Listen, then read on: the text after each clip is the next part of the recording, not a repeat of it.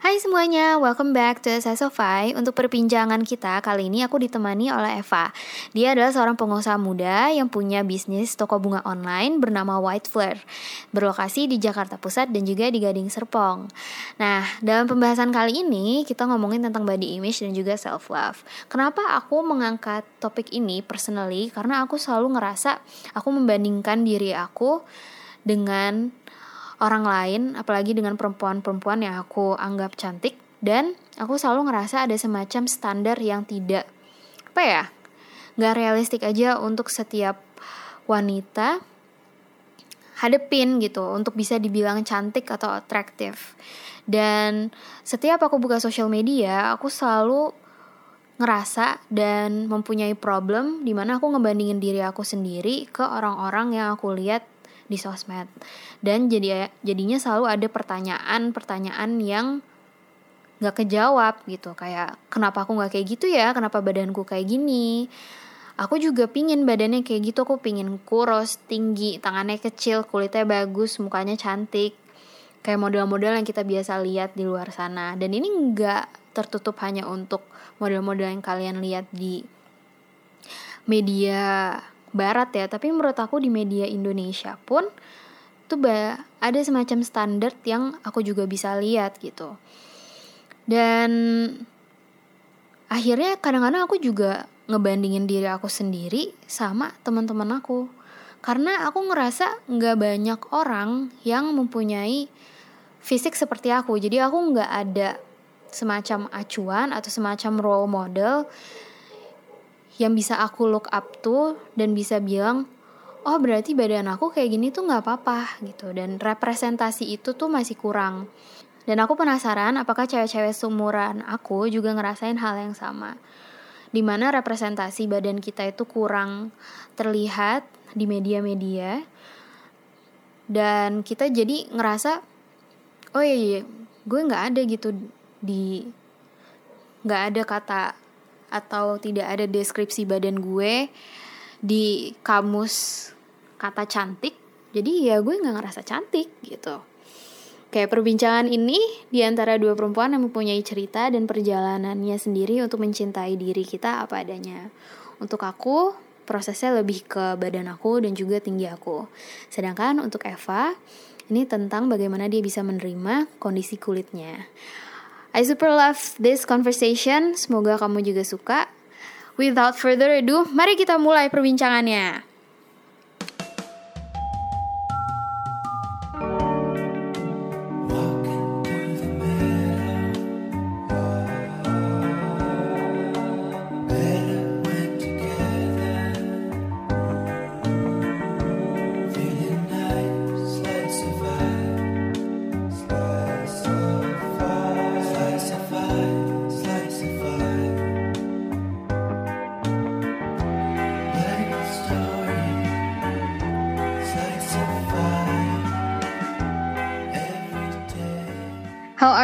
By the way? How, how how's your day? How's life treating you dari selama pandemi ini? Well, naik level sih. Oh, bukan derajatnya. Apanya? Susahnya. But as you know, semakin susah semakin kuat. But, like, But I think it's true sih. Kayaknya kalau misalnya semakin susah hidupnya semakin kuat juga. Yes, true. Well, I'm surviving another year. yeah, we're surviving another year. Yes. Tapi how's your business and how is it going during this pandemic? Mm, well, to be frank, it is it was well impact apalagi pas April. Anyway, mungkin buat nanti yang bakal dengerin Anyway, ya selama during the pandemic emang impact banget apalagi pas di awal-awal bulan Maret atau April lah kita yang waktu pertama-tama diumumin Maret. Tuh. Maret, ya. ya itu impact banget tuh karena uh, sempat kan uh, beberapa bunga memang import dari macam-macam negara dari Ecuador, dari Holland, dari wow. China dan itu impact banget ke importnya gitu. Jadi kita agak sempat susah lah di situ dan banyak juga customer yang lagi uh, tiba-tiba kayak nggak uh, nggak lagi nggak ya mungkin takut masih takut kali ya. Jadi makanya salesnya juga sempat drop di situ. Hmm. but like ya sekarang udah adjust lagi of course with the digital helps. So mulai stabil lagi sih untungnya Dan aku mau nanya nih sebelumnya, kita kan sebenarnya belum kenal ya sebelumnya. Kamu kenapa mau ikutan Slice of Pie hari ini? Oke, so gini. Jadi waktu yang kemarinan pas banget. Jadi aku lagi ngobrol kan sama Andrew. Kayak Andrew, Andrew kayak you know kayak I actually want to be a speaker like attend an event or something yang di mana kayak I can you know inspire others gitu kan. Terus uh, tiba-tiba kayak Andrew tuh lagi liatin biasanya dia liatin IG story terus kayak dirimu ada IG story kan tentang kayak podcast terus dia nawarin kayak eh bebek kayak mau nggak ikutan Oh. hmm, Dan kenapa spesifik topiknya pingin tentang body image and self love? well um, because well I'm currently facing it sih Oh, oke. Hmm, gitu Ya, let's talk more about that. Jadi kalau aku sih personally, kenapa aku pengen ngomongin ini? Karena menurut aku banyak banget perempuan ya mempunyai masalah ini gitu. Iya. Kita, I don't know why, but I always feel like body image, physical appearance, dan juga bagaimana kita perceive ourselves, Mm-mm. itu salah satu insecurities yang paling besar Hmm. untuk perempuan gitu. True. Uh, dan aku selalu ngerasa kalau misalnya perempuan itu tuh kita udah ada semacam standar yang lumayan unrealistic di mana kita harus kurus, putih, rambut panjang, Mhm. terus um, ya pokoknya standarnya semacam kayak Korea kalau enggak ke western westernan untuk bisa dibilang cantik atau mempesona, atraktif dan kebanyakan dari kita tuh pingin masuk ke dalam standar itu gitu loh.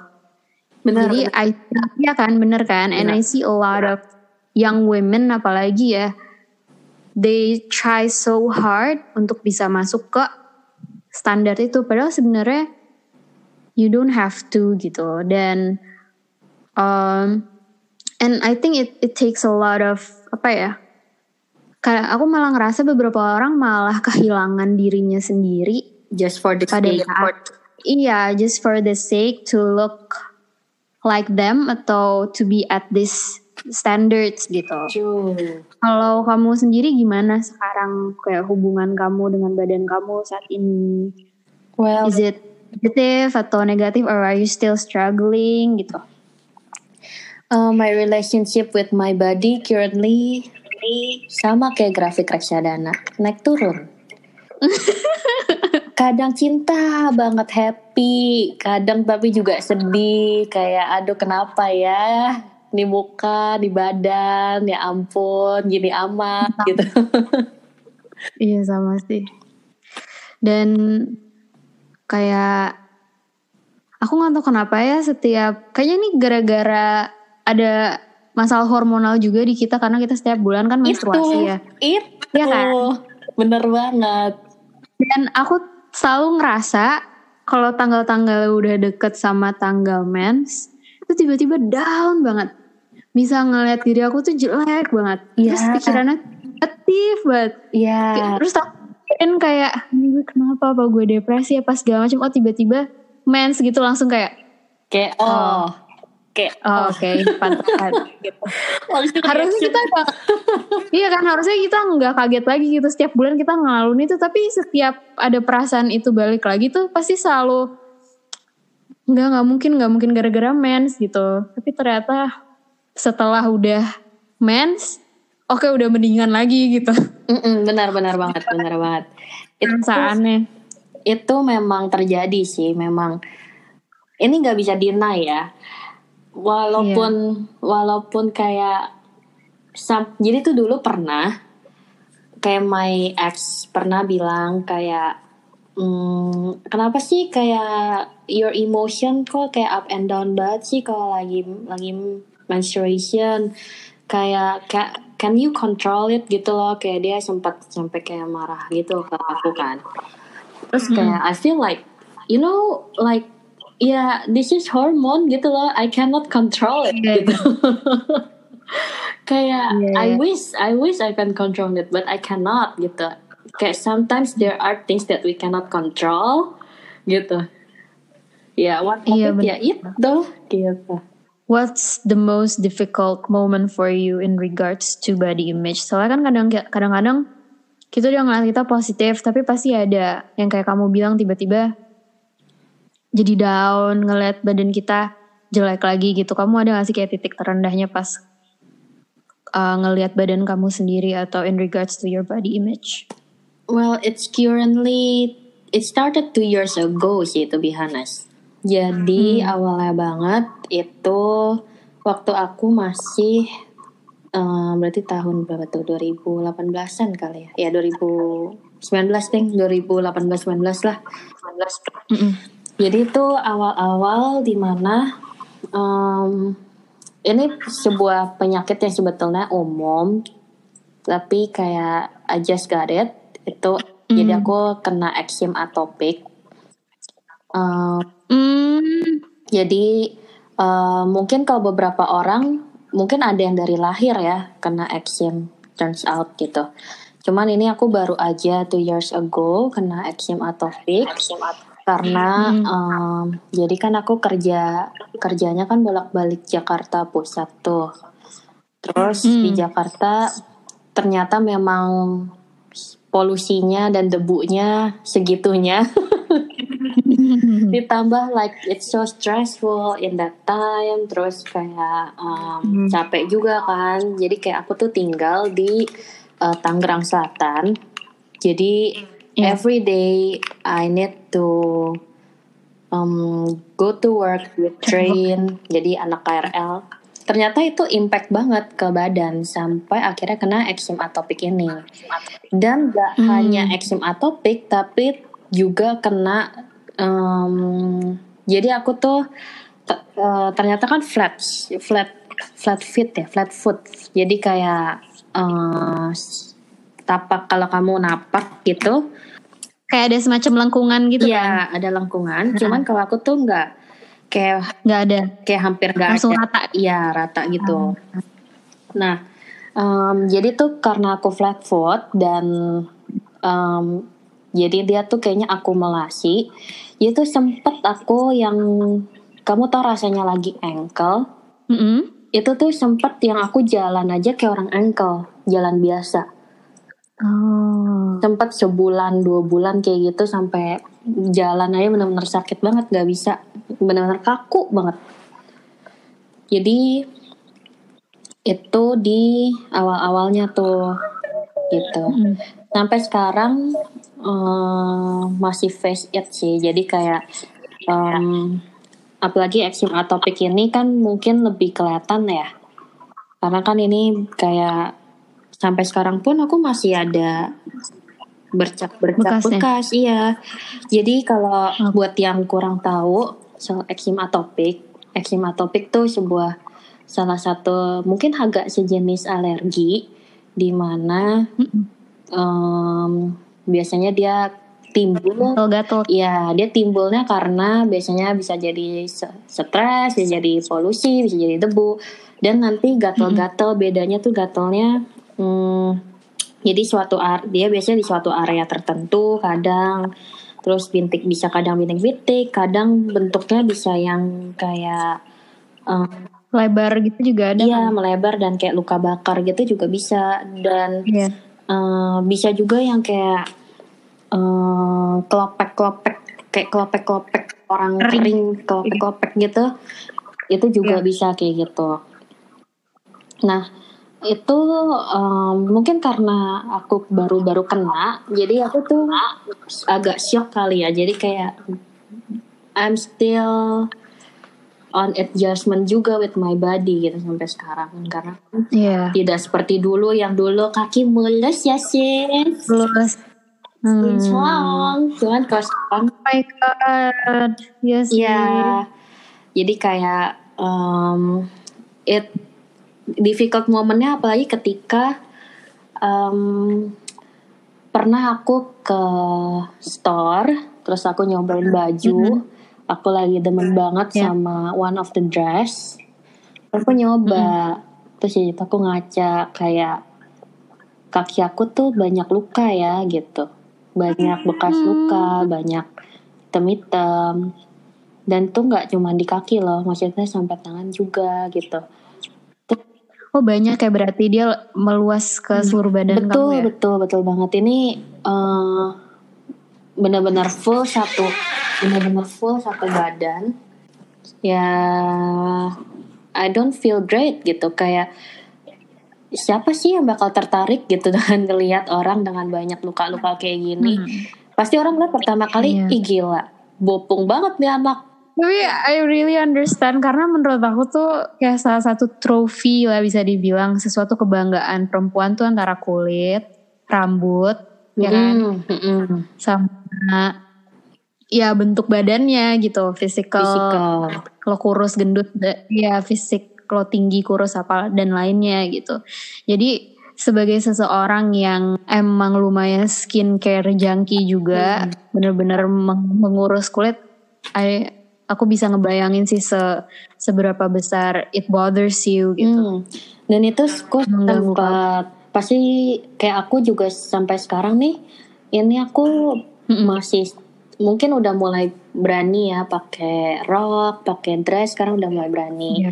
Tapi aku masih adjust sama kayak pakai celana pendek gitu itu aku udah Nah, sampai ada titik di mana kayak aku I feel sad ketika gila ya gue udah lama nggak pakai celana pendek gitu oh my god. kayak Iya, kayak iya. itu kayak gue masih muda cuy terus tapi kayak gue nggak bisa pakai privilege gue Oh my god. terus kayak I cannot enjoy it gitu loh jadi kayak Iya ngerti. kayak was was gitu kayak aduh kok gue pakai Iya. nanti gimana ya gitu kayak dilihat orang gak enak juga terus kayak dikira dan Iya. aku yang mungkin bothers me juga adalah kadang orang juga berpikir kayak eh ini orang nggak ngerawat diri ya. Ini orang nggak ngerawat kulitnya ya. Hmm. Ya dan selalu ada stigma kayak gitu gak sih? Kalau misalnya kayak kulit kita kenapa-napa gitu sebagai perempuan ini eh, aku nggak tahu ya kalau dari laki-laki ya kalau misalnya perempuan kulitnya kelihatan gak keurus atau jerawatan gitu-gitu selalu ada stigma di mana ih gila nih cewek nggak ngurusin badannya sih gitu nggak ngurusin kulitnya dia kan perempuan harusnya gini-gini gini atau mulus gitu. Tapi kan dia nggak tahu. Dia nggak semua perempuan mempunyai privilege kulit mulus setiap saat juga gitu. I mean we're only humans ya nggak sih? Betul, betul. Dan em, ya lucunya adalah ya mereka pun juga sebetulnya ngomong gitu buat apa sih? gitu. Kadang kayak "Oh, what's your objective gitu. Sometimes aku Iya, nanya gitu loh benar-benar. ke diri sendiri kayak oke kalau nih orang ngomong gini sebetulnya dia apa sih objektifnya gitu like do you want me to know that I'm not taking care of myself gitu kayak Oh benar sih. Iya iya. kayak well yeah that's how I feel gitu kayak itu sih yang hal-hal yang that's one of my difficult moments ya yang impacted banget. Apalagi dengan kayak ngeliat-ngeliat kadang tuh pengen banget loh yang kayak pakai dress yang kayak ih dressnya bagus ya yang kayak misal nih kayak mau kerja terus aduh malas deh pakai baju cari-cari baju pengen pakai dress aja dress yang bagus lah yang rapi gitu. Tapi kayak mikir gitu kayak hmm nanti gimana ya kalau misalkan pakai dress nanti kayak kelihatan sampai paha-paha belakang juga sampai apa kayak ada bekas lukanya gitu. Terus sempet yang ya ma- maybe aku juga merasa bersyukur sih karena ada Andrew. Maksudnya he reminds me lah kayak well he accept me gitu kayak you know like you're still beautiful Oh. gitu. Loh Iya dia bahkan kayak support me kayak yuk ya udah yuk kita coba like treatment terus dia sempat kayak hibur aku kayak ngajak aku kayak ke spa gitu yang bisa kan spa kan juga bisa kayak scrub gitu kan scrub body yang bisa Iya iya. eh, bikin Kok dia sweet? iya kayak generate your skin gitu terus dia kayak ajak kayak udah udah kayak yuk kita ke spa aja yuk. Kayak sini sini sini kayak barengan yuk gitu. Kayak dia bantu sih. Maksudnya support banget lah gitu. Walaupun Dan menurut aku, I can see from your story how it apa ya memberikan dampak banget ke self confidence kamu ya kepercayaan diri kamu. ya benar benar banget. Sebetulnya kadang kita nggak perlu sih buat semua orang bisa kasih tahu kalau kita tuh perfect tuh nggak harus kayak cukup I think it's enough to have someone by your side that you love and dia bisa bilang kalau you're perfectly fine gitu it's really enough sometimes. Iya iya. Dan sebenarnya aku ngerti banget eksim kamu karena aku juga Hmm. pernah kena eksim. Dan aku tahu Hmm. apa. Kalau aku tuh gara-gara keturunan bukan gara-gara Hmm. kondisi luar. Dan dia emang kemarinnya itu kalau misalnya aku under stress. Jadi pas dulu SMA tuh zaman-zaman harus ujian nasional kelas 3 aku inget banget. Kan lumayan jadwalnya tuh lumayan packed. Terus harus les ini, harus les itu. Terus kayaknya aku kecapean dan badan aku kayaknya stres. Tiba-tiba keluar aja gitu sendiri. Oh. Gak tahu banget. Aku nggak tahu harus dan aku tipenya tuh yang kering. Jadi kayak bener-bener Oh bersisik iya gitu iya loh, iya, kayak iya, iya. uh, parah parah banget. itu benar-benar gatel banget Tapi aku anehnya lokasinya cuma di bagian perut sama Hmm. pinggang. Jadi kalau misalnya kan dulu masih pakai seragam, pakai rok gitu ya. Jadi rok aku tuh di bagian rok itu aduh gatel banget sih. Sampai sekolah pun kadang-kadang tuh ini agak jijik sih.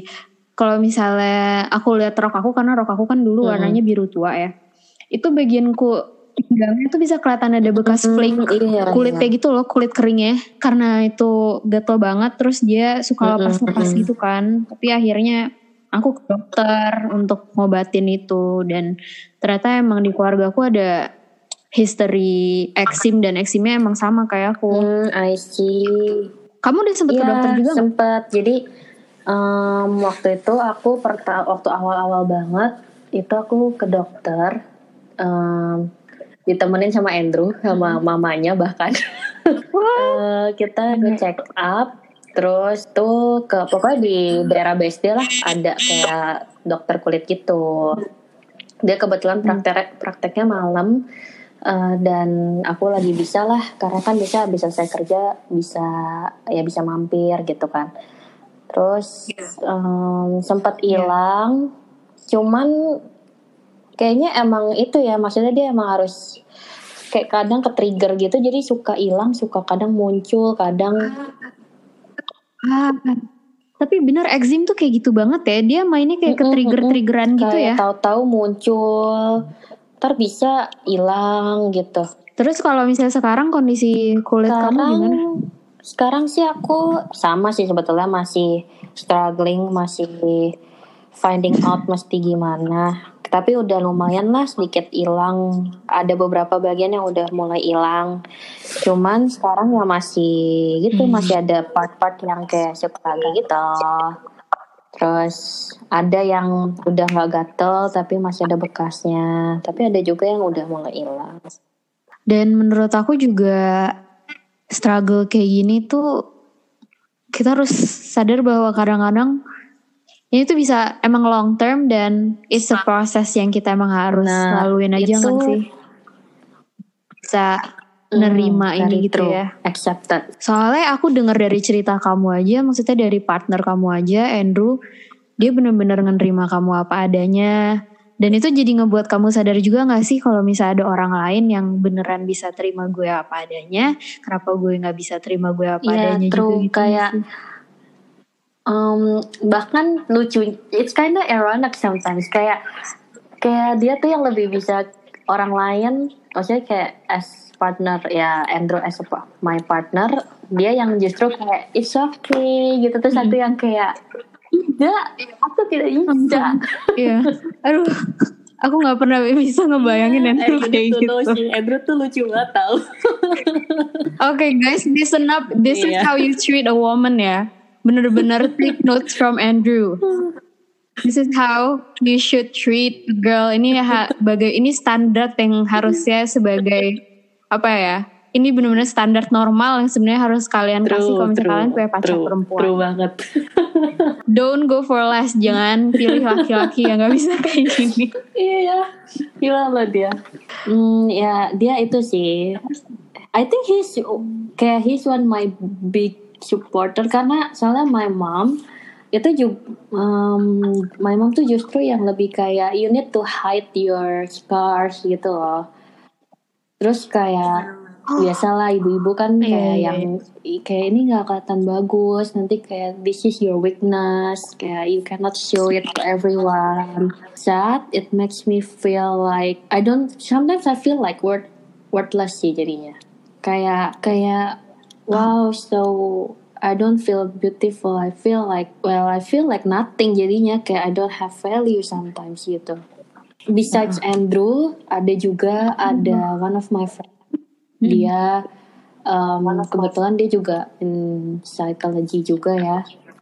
So jadi dia juga juga ya. she helps me lah in in difficult times. Dia juga yang bilang kayak you know like screw your mom. Kayak ya kayak dia bilang juga kayak you know your scars tuh juga keren loh gitu. Kayak itu malah kayak nggak semua orang kok kayak gitu juga. Kayak it's actually unique and special and beautiful. Seeing her by my side and reminds me kayak justru karena dia juga itu aku mulai berani buat pakai rok sama dress. Hmm. Oh jadi God, karena dia so dan karena si Andrew juga em, dia bilang kan jadi aku sempat pas terdorongnya awal tuh gara-gara temanku temanku bilang kan yang kayak gitu. Terus aku tuh coba akhirnya aku coba pakai rok. Terus akhirnya aku beraniin diri tuh buat kayak jalan-jalan date time. Terus kayak Andrew bilang kayak wow Hmm. kayak oh I feel proud of you.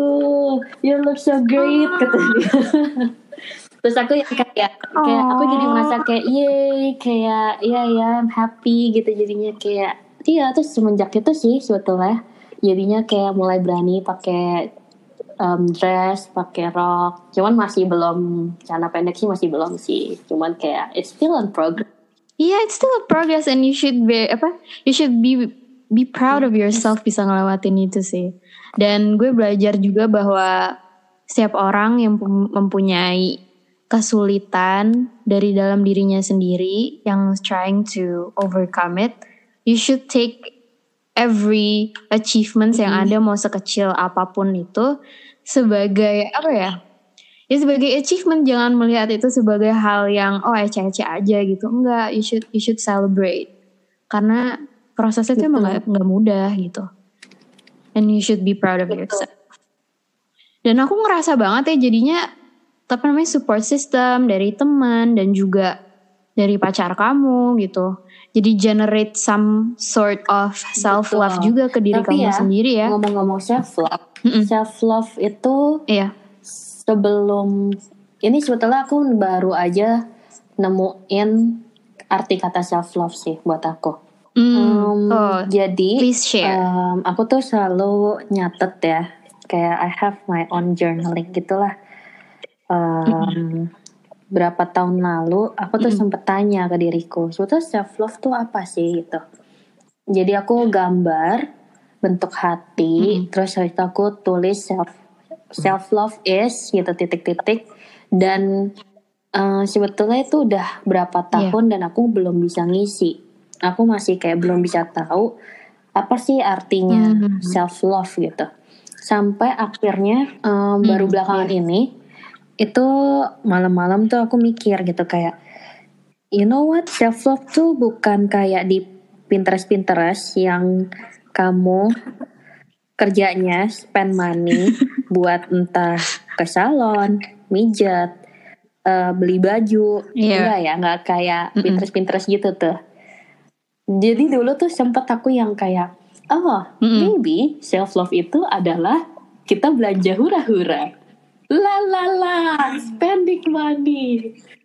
Hmm. tapi enggak gitu. Kayak setelah Mm-mm. menjalaninya self love itu sama. Kayak kita mencintai orang lain gitu. Mencintai means understanding yourself gitu. Hmm. di situ aku juga jadi belajar kayak you know kayak aku biasa berusaha mengerti orang. Kayak menghibur orang di saat dia lagi down dia lagi straight atau lagi kecewa kayak kayak gue bisa loh ngehibur orang lain Iya. tapi gue nggak bisa ngibur diri sendiri gitu Iya. so It's so powerful Menurut- bener-bener. for me self love is about your relationship and understanding yourself gitu sebetulnya gue tuh Iya. suka apa sih apa yang gue tidak suka tuh apa gitu apa yang bikin gue sedih apa yang bikin gue senang apa yang bikin gue kecewa dan apa yang bikin gue bisa maju lagi it's all about understanding myself gitu Iya. Terus di situ akhirnya setelah berapa tahun tuh eh, udah gak kehitung deh berapa tahun. I can finally feel it gitu kayak you know kayak self love it's about understanding myself. Di situ aku menyadari kayak iya ya untuk tahu benar-benar konsep self love itu ya itu jam terbang gitu loh. It takes years untuk bisa finally Iya. nyadar gitu kayak oh iya ya kayak it's not about mungkin kalau soal shopping dan segala macam it's just part of it tapi it's not the it's not the core gitu loh itu bukan payungnya eh bukan apa ya bukan the big idea-nya gitu Hmm. itu hanya kayak ya payungnya aja eh, cuman Iya. beberapa halnya aja gitu di dalam kayak ya mungkin kalau misalkan eh you suka you emang lebih senang nonton ya mungkin secara hibur diri nonton ya you nonton gitu bukan yang kayak Iya, iya ngerti.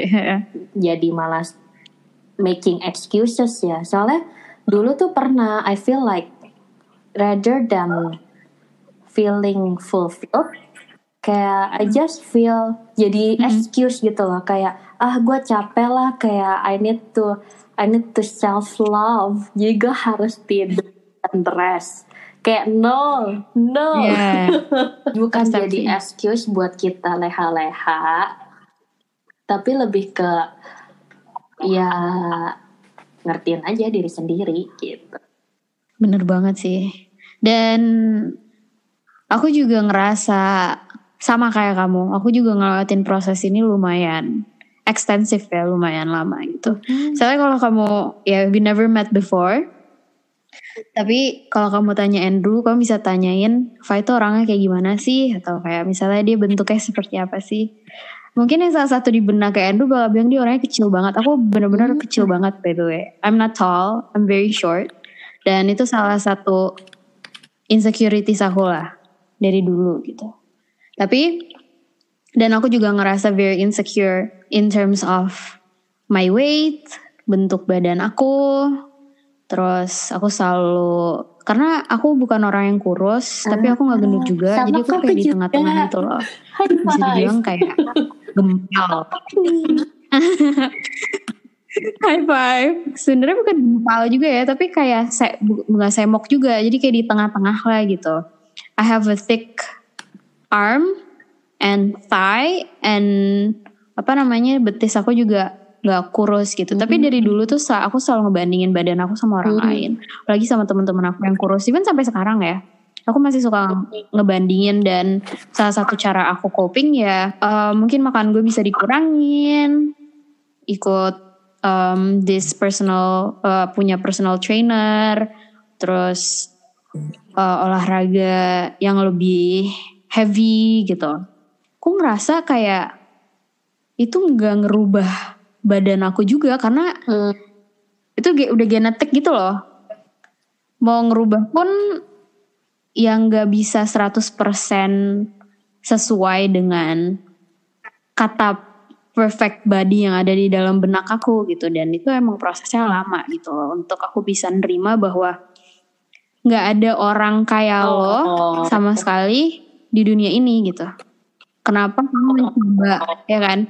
Kenapa kamu coba sekeras itu untuk ngerubah diri lo sendiri untuk bisa masuk ke satu standar beauty ini padahal there's a reason why ini agak spiritual ya why God made you the way you are right now gitu kenapa lo jadi lo pada pada saat sperma ketemu telur itu jadi ya lo bukan jadi orang lain gitu. Dan aku ge- iya kan? Dan gara-gara itu aku jadi mikir ya iya juga sih. Ya udahlah akhirnya emang aku terima aja apa yang aku punya sekarang dan harus sadar bahwa there's no other people like you. Dan I just have to embrace what I've got. Dan emang um, salah satu advice yang aku dapat dari aku nggak tahu dari mana dari podcast atau dari buku gitu ya. Ya do what you can do best yang emang lo bisa lakuin secara maksimal gitu. Jangan malah ngelakuin hal yang lo nggak bisa, lo lo berusaha untuk jadi bisa, tapi cari hal yang bisa emang lo lak- lakukan maksimal dan do it for your own community gitu. Jadi sekarang aku fokusnya itu aja sih. Contoh ya misalnya, ya udah emang badan gue kayak gini, but it doesn't mean I cannot work out. It doesn't mean that aku nggak bisa lari 10 km atau aku nggak bisa Benar, angkat benar beban 75 kilo ya nggak sih? Jadi sekarang setiap benar ya kan, jadi setiap aku olahraga tuh udah beda gitu mindsetnya. Soalnya kadang-kadang kan kalau dulu mindsetnya lebih kayak oke tujuan gue mau kurus turun misalnya 5 kilo gitu. Tapi sekarang enggak. Sekarang tuh jadi lebih oke bisa seberapa kuat gue ngelewatin workout ini gitu. Oke bisa seberapa jauh gue bisa lari. Jadi itu benar-benar jadi positif banget pikirannya, nggak beban gitu loh. Soalnya aku tuh dari dulu susah banget, jadi malah jadi susah olahraga karena aku selalu kecewa sama diri aku sendiri. Kenapa gue nggak kurus-kurus? Kenapa gue nggak bisa ngelakuin um, aerobic Iya, exercise yang ini? Kenapa gue nggak bisa lari kayak kan. se- sejauh ini? Aduh lo loser banget. Pas segala macam. Iya malah capek sendiri malah jadinya aku nggak pingin olahraga lagi. Kalau sekarang malah jadi Yes, I'm very excited to work out. Aku benar-benar semangat untuk olahraga lagi karena aku pingin tahu aku bisa Iya, kuatnya tuh bisa sejauh mana gitu. Jadi Bener. boleh beda-beda lagi gitu, ya kan? Dan untuk seseorang bisa punya persepsi yang berbeda ya tentang badan mereka Benar. sendiri itu susah banget karena emang dari kecil nggak sih kayak udah Hmm. ada ih kamu Nah. gendutan deh gitu. Iya. Menurutku Iya gak sih? banyak Iya kan ketemu saudara udah agak lama gitu, terus tiba-tiba ah pandemi bikin kamu agak gendutan ya gitu. Terus kayak ya ya udah, gue sehat, gue nggak pernah kena covid gitu. Dan hal yang pertama kali lo ngomong, Iya, kamu kayak, gendutan ya gara-gara pandemi nah, ini. Gitu. itu tuh kan aku juga jadi aku itu kan ya Iya. di sekarang tuh udah naik 8 kilo Fai. naik banget Oh my god. Tapi how do you feel about Actually, that? I feel How do you feel I about feel that? good tuh Aku juga, aku juga naik kan berat badannya, tapi aku nggak tahu ini naiknya ber- eh, berapa karena aku lupa timbangan aku sebelum ini tuh berapa, gara-gara timbangan di rumah aku tuh rusak. Tapi aku ngerasa emang lebih gendutan dan kok aku nggak apa-apa ya gitu. Kayak aku Betul. ngerasa sehat-sehat aja, ya kan? Dan betul aku masih bisa olahraga, aku nggak ngos-ngosan juga, Iya, kayak- kayak nggak nggak cepet capek juga. gitu. merasa fine Merasa aja fine fine. kayak merasa lebih itu kan ya lebih kayak malah jadi nggak stresin tuh jadi malah kayak ya udah jalanin aja malah banyak kreativitasnya banyak aktivitinya Iya, kayak malah sekarang aku jadi lebih bersyukur karena it's not about my weight anymore karena aku sekarang fokus ini ya udah kamu udah harus sehat aja. Karena intinya gue nggak mau kena covid. Kalau misalnya emang makanan ngebuat aku seneng dan makanan membuat aku sehat ya kenapa harus ditahan-tahan gitu. Oke okay, uh-huh. sebelum kita kelamaan nih aku pingin tanya hal apa yang paling kamu banggain atau kayak the greatest achievement yang pernah kamu dapetin? Yang ngebuat kamu bilang yes aku bener-bener bangga sama diri aku sendiri and I really did that aku bener-bener ngelakuin itu pas. dan aku kuat gitu. Itu apa? Pas aku pakai rak ah iya sih I know you're going to say that. Aku tapi kayak, kayak aku juga bangga ngedengernya. feel like kayak so happy. ah kayak gue berasa kayak I'm a woman kayak I can I can show myself kayak without worries oh at all. Kita kayak bisa jalan-jalan walaupun pasti ada aja yang ngelirik tapi kayak udah kayak bisa yang oke okay, you know what ah I don't care gitu yeah, yeah I don't care yeah, this is my body and I, I feel pretty one of my yeah, sih. achievement sih jadi kayak yeah I feel really great walaupun masih kadang juga sedih but but it's one of a great achievement lah bisa mm-hmm. bisa pakai dress bisa pakai rok itu ya gara-gara eksim eksim ini itu aku mm. nyadari betapa mm-hmm. Sebetulnya um, my mm-hmm. dulu tuh aku punya bad ternyata aku punya badan yang tidak kenapa-napa yang kayak kaki mulus uh, tanganmu mm-hmm. hal yang itu something yang nggak aku gitu pikirin until one day aku kena ini dan aku jadi yeah. merasa iya ya sometimes I feel grateful jadinya gitu kayak oke okay, itu dengan aku kena eksim sekarang walaupun it really impacts my body terutama my skin but di sini aku bisa lebih grateful gitu kayak I have my support system aku juga bisa um, nerima diri aku apa adanya dan di situ malah aku ketemu apa arti kata self love gitu. Yeah. So powerful. Gitu. Oh my god, I'm so happy we have this conversation. Dan untuk pertanyaan terakhir, what's your current inspiration? Inspirasi kamu apa aja nih gak related sih sebetulnya sama ini cerita. gak apa-apa. Ini sebenarnya cuma salah satu cara untuk aku bisa ngumpulin kayak buku-buku atau film-film inspirasi-inspirasi dari orang lain untuk nambahin ilmu kita justru juga. lebih ke mungkin sedikit relate sih sedikit lah. Uh, dirimu itu gak sih nonton Disney Plus? Nonton Soul nggak? Yes. Ya kan? Bagus banget kan? Gila Fai. Nonton aku suka banget. Oke okay, itu aja. I'm so thankful for this conversation. Bener-bener powerful banget. Aku seneng banget bisa kenal sama kamu. Dan juga terima kasih banyak Andrew udah kenalin aku ke Eva. Dan what a great start for 2021 sih di bulan Januari ini conversation ini mm-hmm. perbincangan kita. Yes. Yeah. Okay, that's it. Thank, Thank you. you so much again. Have a good night rest. Bye bye. Bye.